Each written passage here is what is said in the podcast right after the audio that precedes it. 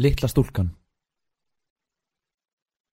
Segðu mér söguna aftur, söguna þá í gær, um litlu stúlkuna með ljúfu augun og ljósu fléttunar tvær.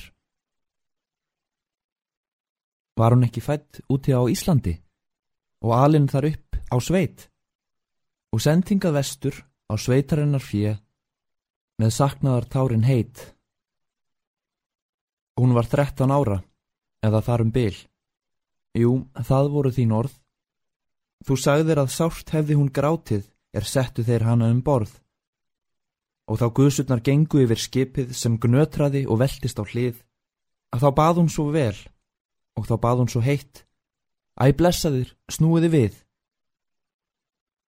Aumingja barn, það var óskup sárt, en átakanlegra var hitt þegar vestur hún kom til Winnipeg og vildi sjá skildfólk sitt að fólkið hennar var farið.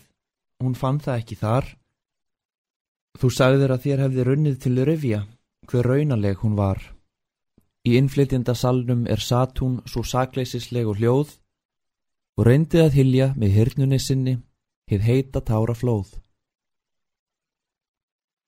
Var kyn þó hún væri döpur og víst var það nokkuð hart að segja við hana hættu að hrína, hestarnir koma nú snart. Með karlinum keirir þú út á land og kemst þar í góða vist. Skeldu ekki meira, skárið það. Ég skal nú verða byrst. Svo fór hún einhverja langa leið út á land, eða var ekki svo.